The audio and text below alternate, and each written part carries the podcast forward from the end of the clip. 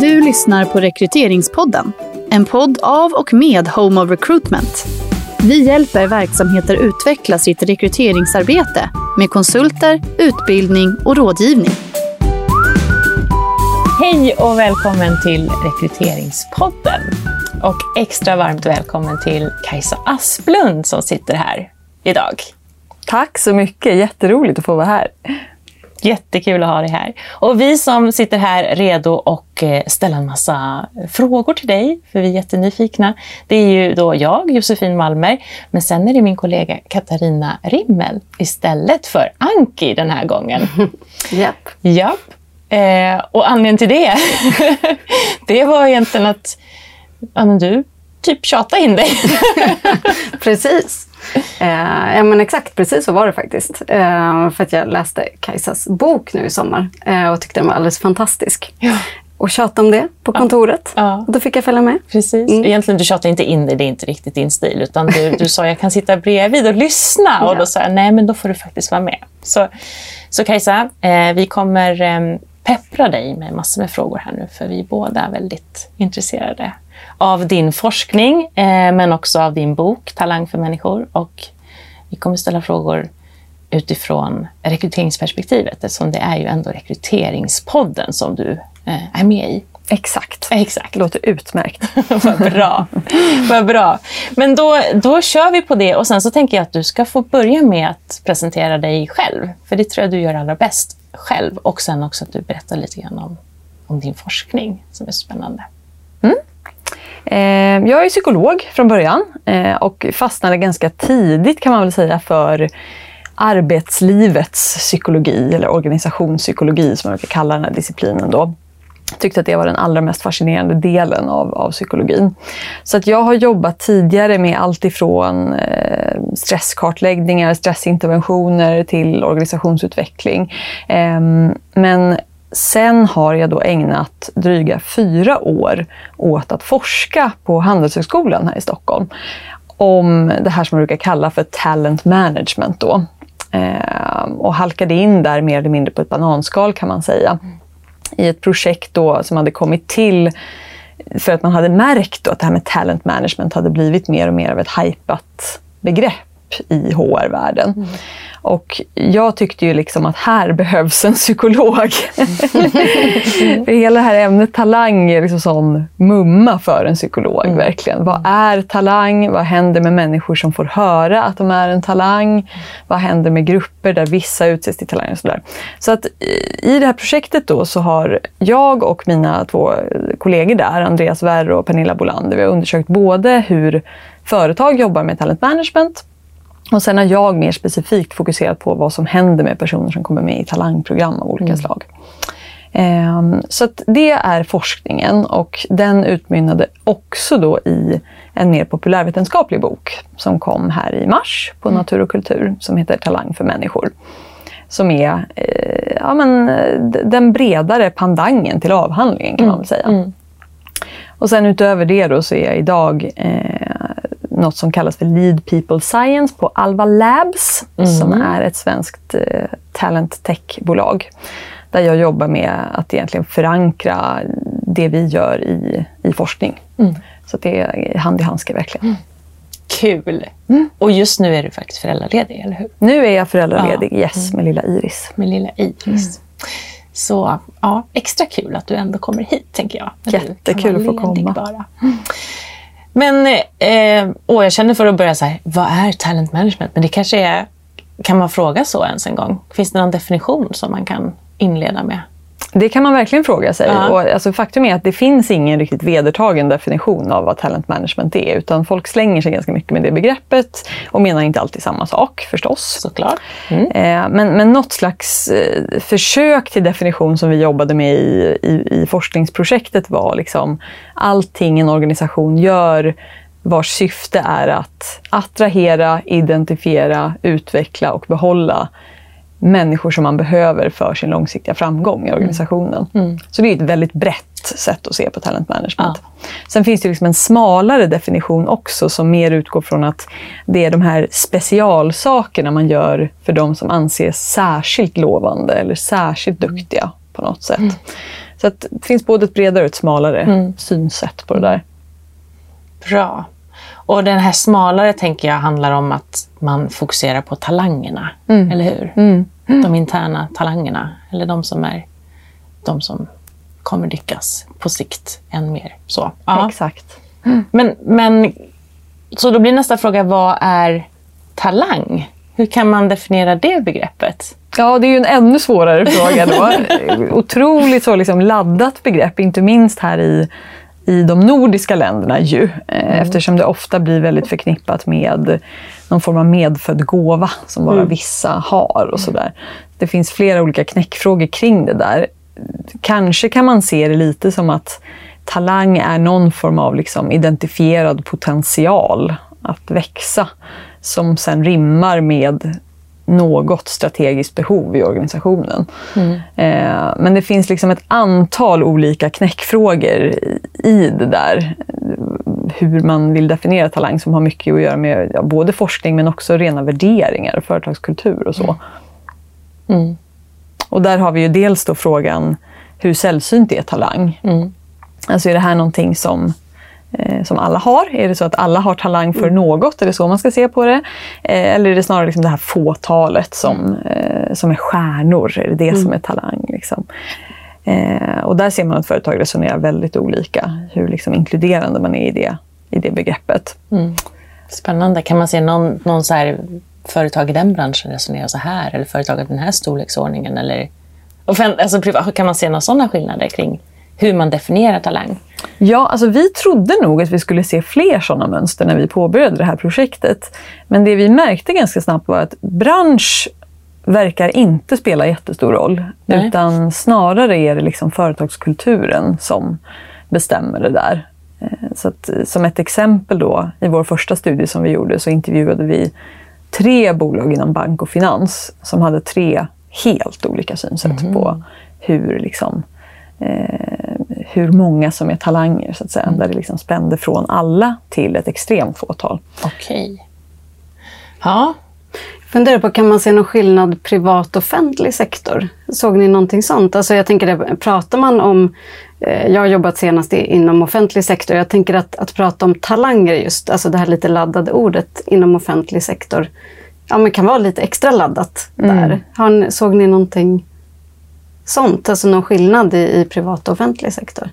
Jo, men det kan man se, absolut. Alltså, I offentlig sektor så är det mycket vanligare med det som vi valde att kalla humanistisk talent management. Alltså man tar ett väldigt inkluderande perspektiv. Vi är alla talanger, alla har talang för något. Eh, och vi ska liksom hjälpa alla att utvecklas så. Eh, så det är vanligare i offentlig sektor skulle jag säga. Med det sagt så skulle man ju också kunna hävda att till exempel en sån här reform som förstelärarreformen eh, är ju ett exempel ändå på en lite mer exklusiv talent management. Att vissa lärare är särskilt duktiga och ska därmed få liksom extra förmåner, bättre behandling och sådär. Så att det finns båda varianter även där. Och den har varit lite problematisk också. Alltså den har inte tagits emot. Det skrev de i boken också. Det är lite laddat hur den togs emot till exempel. Ja, definitivt. Och där har vi ett jättebra exempel på hur stor roll liksom, organisationskulturen spelar för hur sådana här initiativ landar. men om man tänker då...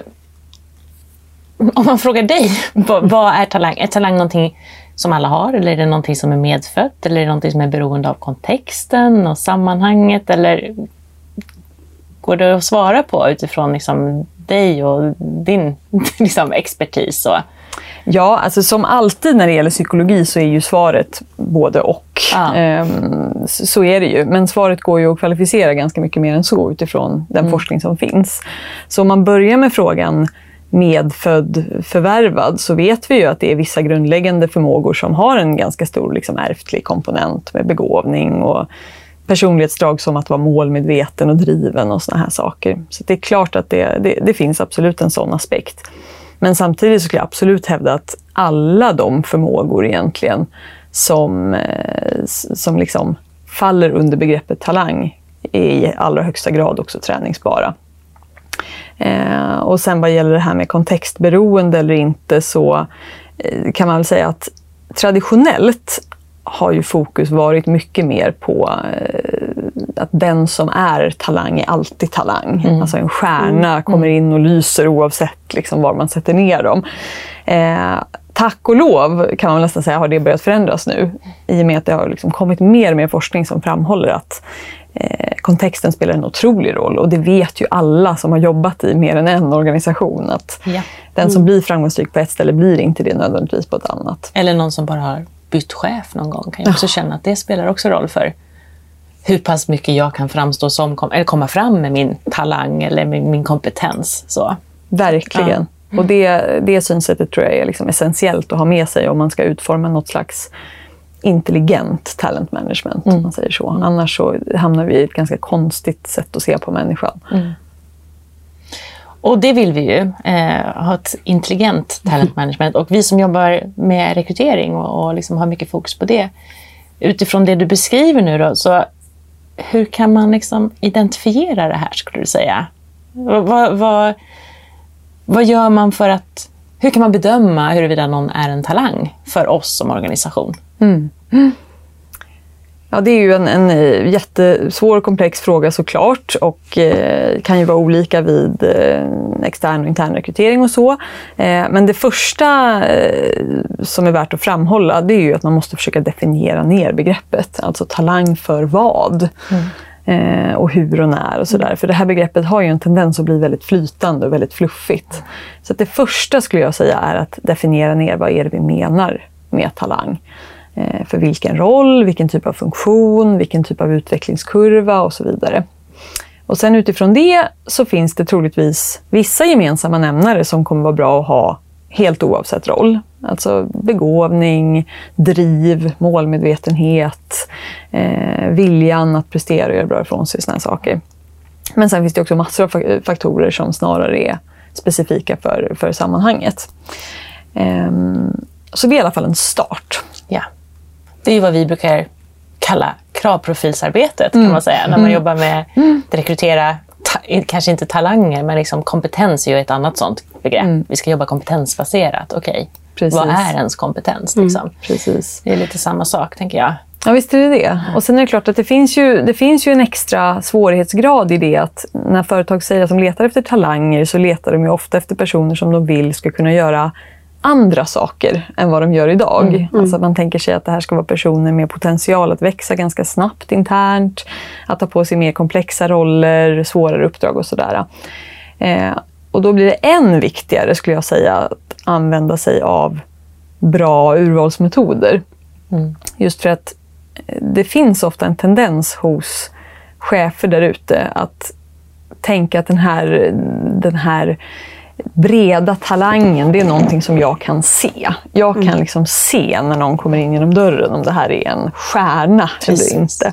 I ett handslag kan jag avgöra det. Precis, och man ser på blicken och allting sådär. Ja. Det finns alla möjliga eh, varianter. Eh, och det vet vi ju från forskningen att så är det ju inte. Eh, utan det vi tittar efter då är oftast någonting som liknar oss själva eller andra framgångsrika personer som vi känner. Eh, Så att där blir det jätteviktigt att eh, liksom leta efter det som vi vet faktiskt förutsäger framtida potential. Men jag tänker att om man står inför att eh, designa en urvalsprocess till ett talangprogram till exempel. Vad, vad ska man tänka på om man, om man är i den situationen precis nu?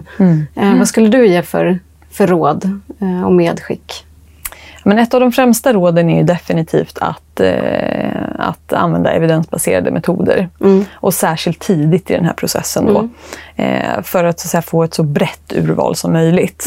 Eh, man brukar ju säga att det råder brist på talang. Eh, men en stor anledning till det är ju att man alltid letar i samma gamla vatten. Snarare än att försöka upptäcka liksom, oslipade diamanter. Så att börja med breda, bra forskningsbaserade verktyg som eh, välutformade tester, eh, genomtänkta assessment centers, caseövningar, den typen av grejer. Eh, så kommer man att få ett mycket mer högkvalitativt urval. Det är superviktigt. Eh, sen en annan grej är att det kan vara bra att försöka skilja på eh, potential och det som man brukar kalla för readiness. Alltså, det är en sak att ha den här breda potentialen att, att växa snabbt, att göra större saker. Det är en annan sak att vara redo idag.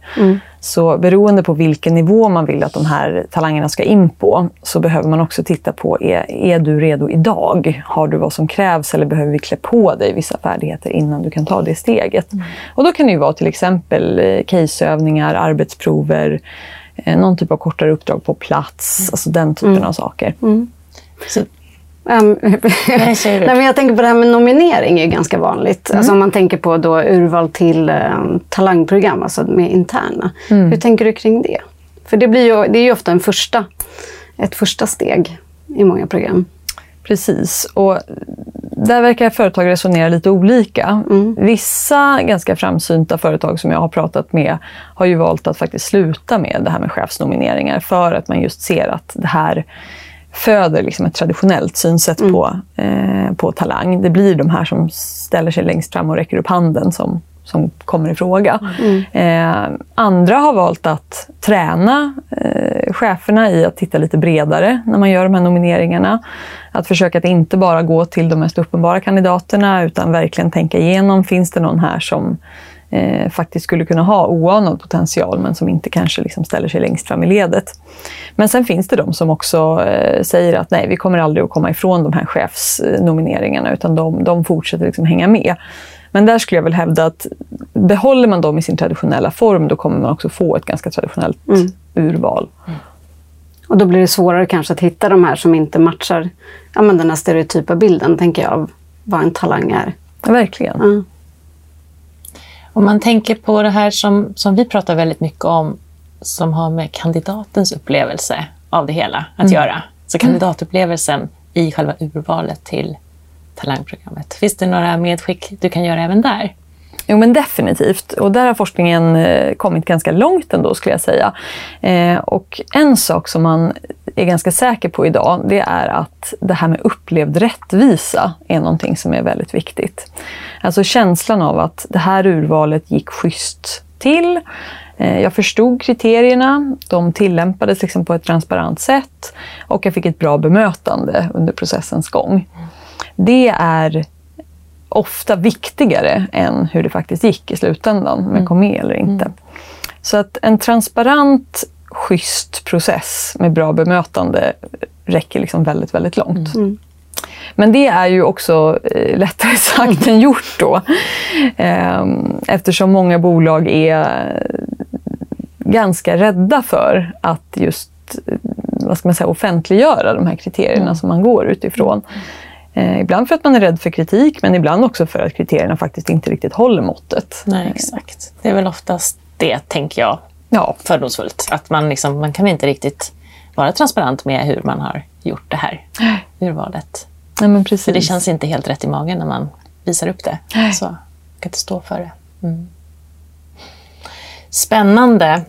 Du skriver ju också i din bok om organisationens dolda talanger. Mm. Och det här tycker jag är superspännande eftersom mm. att jag har fördjupat mig inom pedagogiken en gång för väldigt länge sedan, känns det som nu. Jag minns inte alls speciellt mycket, men jag minns att att jag tyckte att det var eh, stor skillnad på pedagogernas sätt att se på talang, eller på kompetens kanske snarare, än vad det var när jag eh, jobbade med väldigt många psykologer som såg kompetensen som något som var väldigt individburet. Liksom. Mm. Eh, någonting man hade med sig och bara med sig, precis som du säger, så är man talang så är man talang oavsett var man är någonstans. Nu menar jag inte att psykologerna resonerar så, så men så som jag minns det så, så hade vi på pedagogen mer fokus på liksom relationerna och sammanhanget mm. och att man inte är kompetent i ett vakuum. Mm. Och Det här är också någonting som vi pratar mycket om när vi jobbar med kravprofiler. Att det är otroligt viktigt att också tänka igenom hur ser det ut hos oss? Hur är vår kultur? Hur är vårt ledarskap? Vem är framgångsrik i den här miljön? Mm. Mm. Sen är det svårt att bedöma, där kanske du kan komma med några medskick också, men att man åtminstone kan vara transparent kring så här ser det ut hos oss. Kommer mm. du kunna vara framgångsrik i detta mm. koncept? Liksom? Gud, lång, lång eh, fråga, men det jag undrar är lite grann, vad menar du med de här eh, möjliggörarna? Vilka är de? Ja, men jag menar väldigt mycket det som du är inne på. Alltså personer yes. som... Helt rätt. eh, det är personer som har kompetenser som handlar om att eh, möjliggöra en god prestation för gruppen Mm. på olika sätt. Alltså personer som inte alltid måste vara fixstjärna själv, men som har en väldig betydelse för att teamarbetet ska rulla framåt Mm. på olika sätt. Kanske inte bara teamet, kanske hela organisationen ibland. Eh, och jag tyckte att det kändes jätteviktigt att få med det här i boken just för, som du säger, psykologin har ju haft ett otroligt så här, individfokuserat synsätt på talang. Och det har ju att göra med metoderna, skulle jag säga. Att när man vill väga och mäta väldigt mycket, som psykologer ofta vill, så är det väldigt bekvämt att tänka sig att allting handlar om individer, för det är lättare att mäta. Eh, men i takt med liksom, eh, digitaliseringen, bättre statistiska metoder och så där, så har man fått bättre möjligheter att faktiskt ta hänsyn till eh, att det, liksom, talang befinner sig på många nivåer. Det är individnivån, det är liksom, eh, one-to-one-relationen, det är teamet och det är den större gruppen och så. Eh, så att en möjliggörare kan ju vara någon som är väldigt skicklig på att hjälpa andra.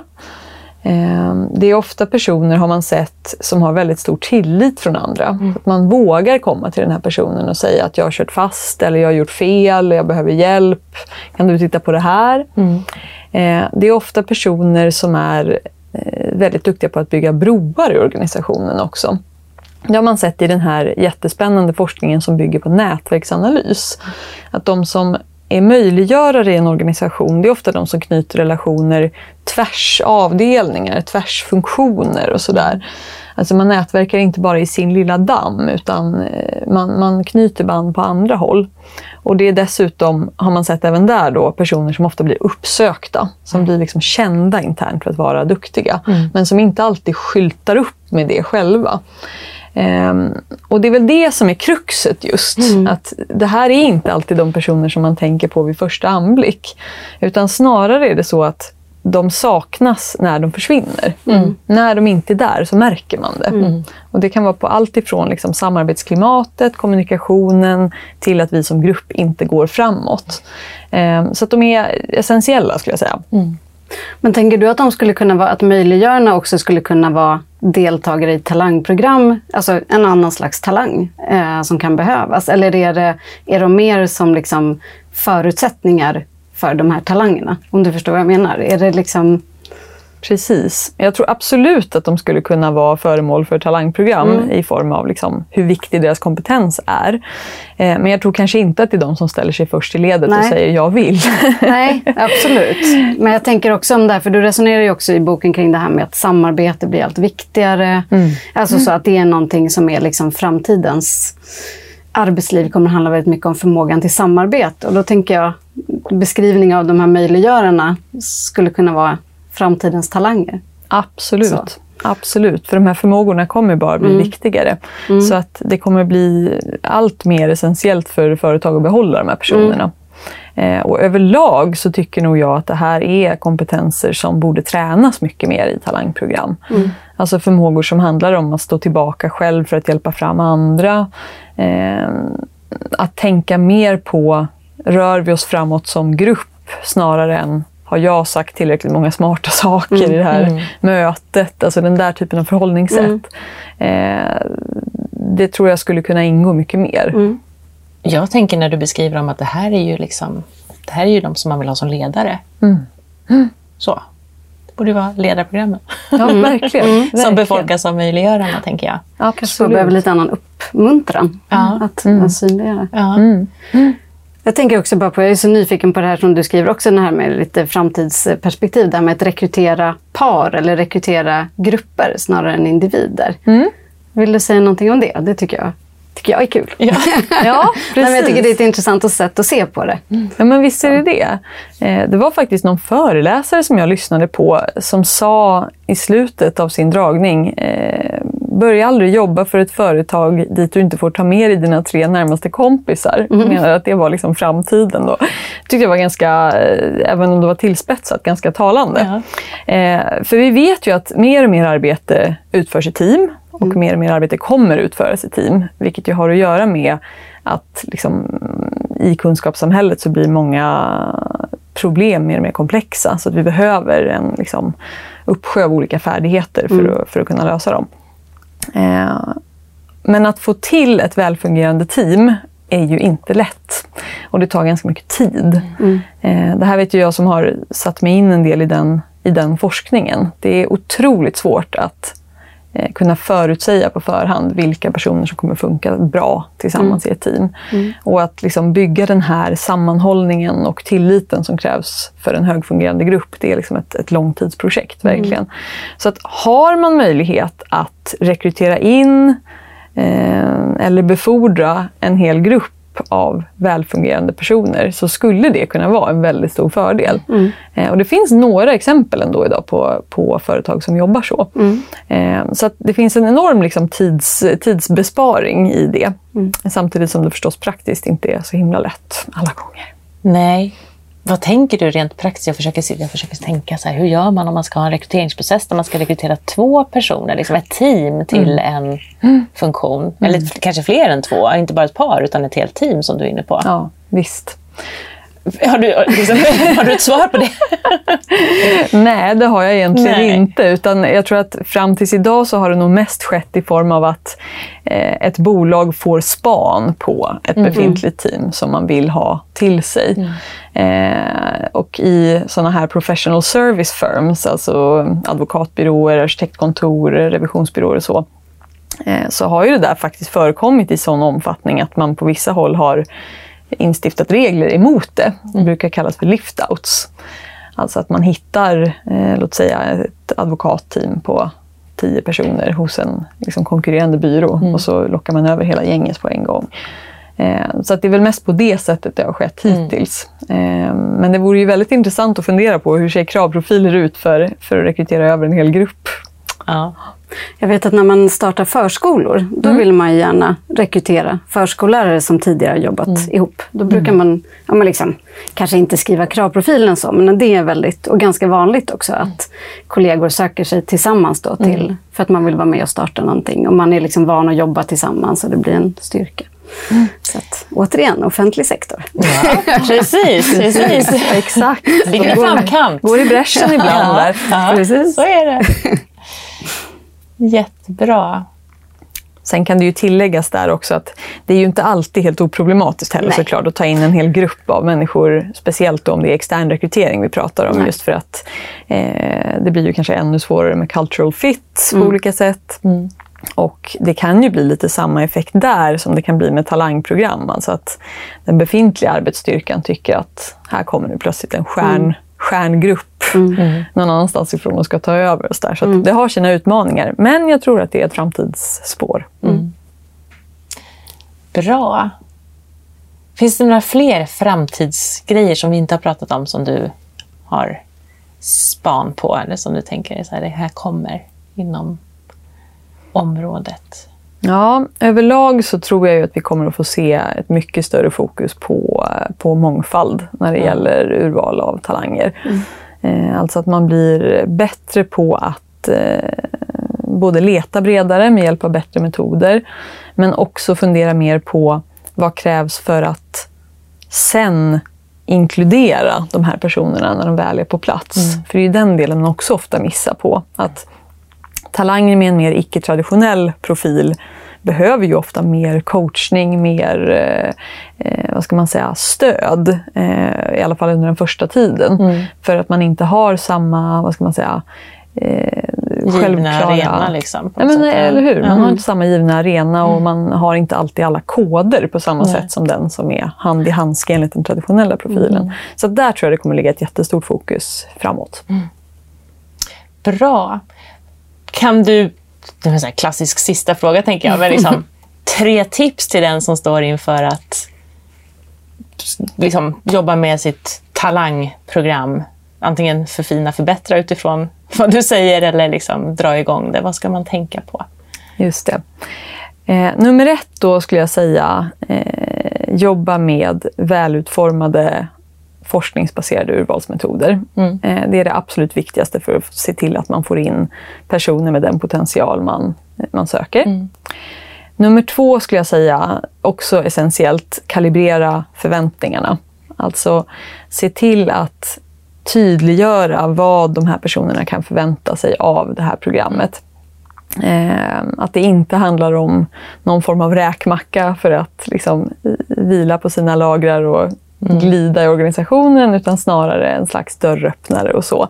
Eh, för det vet man också från forskningen annars är en jättestor risk att eh, om man som talang känner sig besviken en bit in i programmet så är det liksom en stor risk att man lämnar istället. Och sen nummer tre skulle jag säga, gå inte i fällan av att ge talanger mer att göra hela tiden. Nej. För Det är också mm. ett sånt här jättevanligt problem. Vad gör vi med en duktig människa? Ja, vi ber dem göra fler saker. Mm.